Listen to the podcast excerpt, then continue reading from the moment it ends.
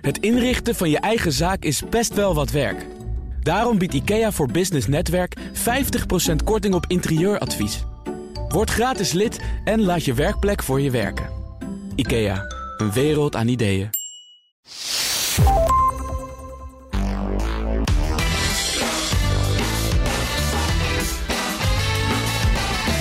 Tijd voor de werktip van de week met Ben Tichelaar, gedragswetenschapper en presentator van de Ben Tichelaar podcast. Om je werkweek een vliegende start te geven. Ben, goedemorgen. Goedemorgen. Wat is de werktip van deze week? Ja, nou, vorige week gaf ik eh, twee dagen les aan een groep ondernemers en, eh, en managers. En toen kwam dat, dat ja, het probleem dat je wel vaker hoort, kwam toch weer in volle sterkte terug. Die, die dagelijkse overload aan mailtjes en appjes waar mensen helemaal gek van worden.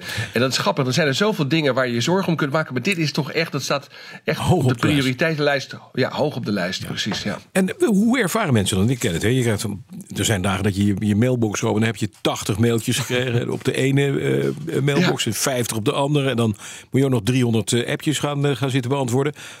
Wat betekent dat concreet? Want mensen hebben er last van, uiteraard. En dat, kost ook, dat gaat ten koste van de productiviteit ook, ik aan.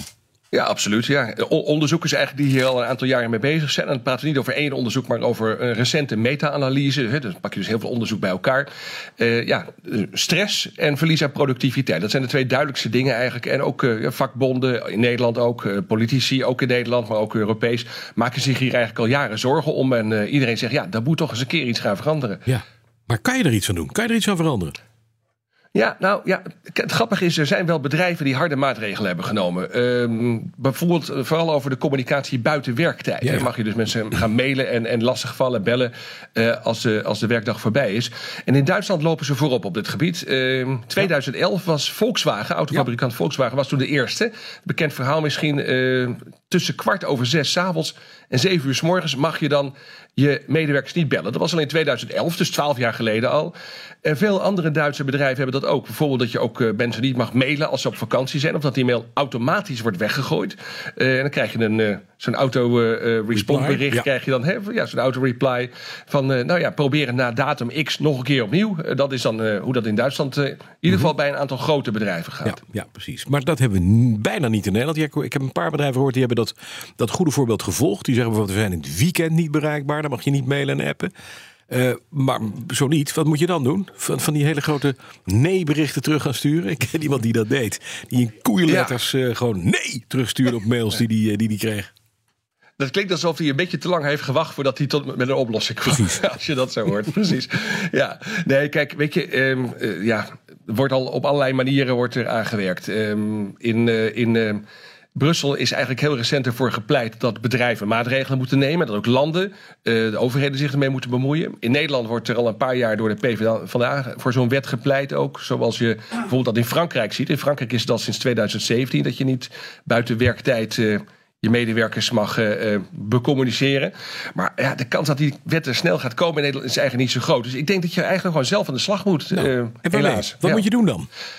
Nou, ik zie eigenlijk twee mogelijke oplossingen. Nou, Heel praktisch. En dat zijn dingen die uit de praktijk komen. Ik heb daar met die ondernemers de afgelopen eh, weken wat langer ook over doorgesproken. Wat, zij ook zien. Ehm, eerste oplossing. Teamafspraken. Dus gewoon met je collega's, directe collega's, een lijstje met afspraken maken over hoe gaan wij communiceren met elkaar. Dus wat bespreken we per mail, wat bespreken we per app, wat doen we per telefoon, wat doen we live.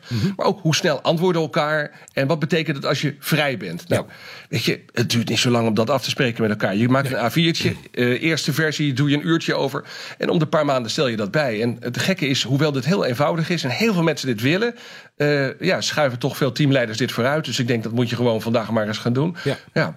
En dan, Ja. als de collega's hier geen zin in hebben of jouw teamleider doet het niet. Dat is even de vraag. Ja, dan Doodspammen. Precies.